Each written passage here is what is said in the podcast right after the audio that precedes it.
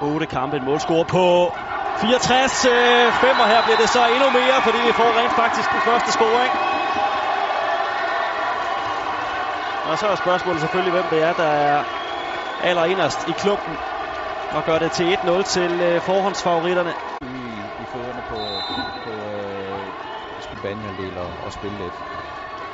Og så er så Josefine Funk første gang, hun forsøger sig. Oj, og den sejler Vincenten i kassen 2-0 til Frederiksborg.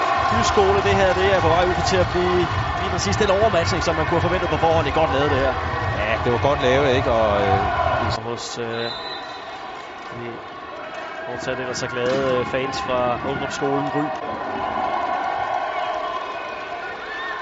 Nu kommer de braven igen, de rødklædte. Rødgaard er det fremragende at se tilbage til Josefine Funk afslutter med det samme, og så står der 3-0. Her efter blot 10 minutter spil. Jeg skulle lige til at sige, at det blev ikke det sidste mål, vi fik at se fra en af Josefine Funk i dag. Så laver hun allerede nummer to her.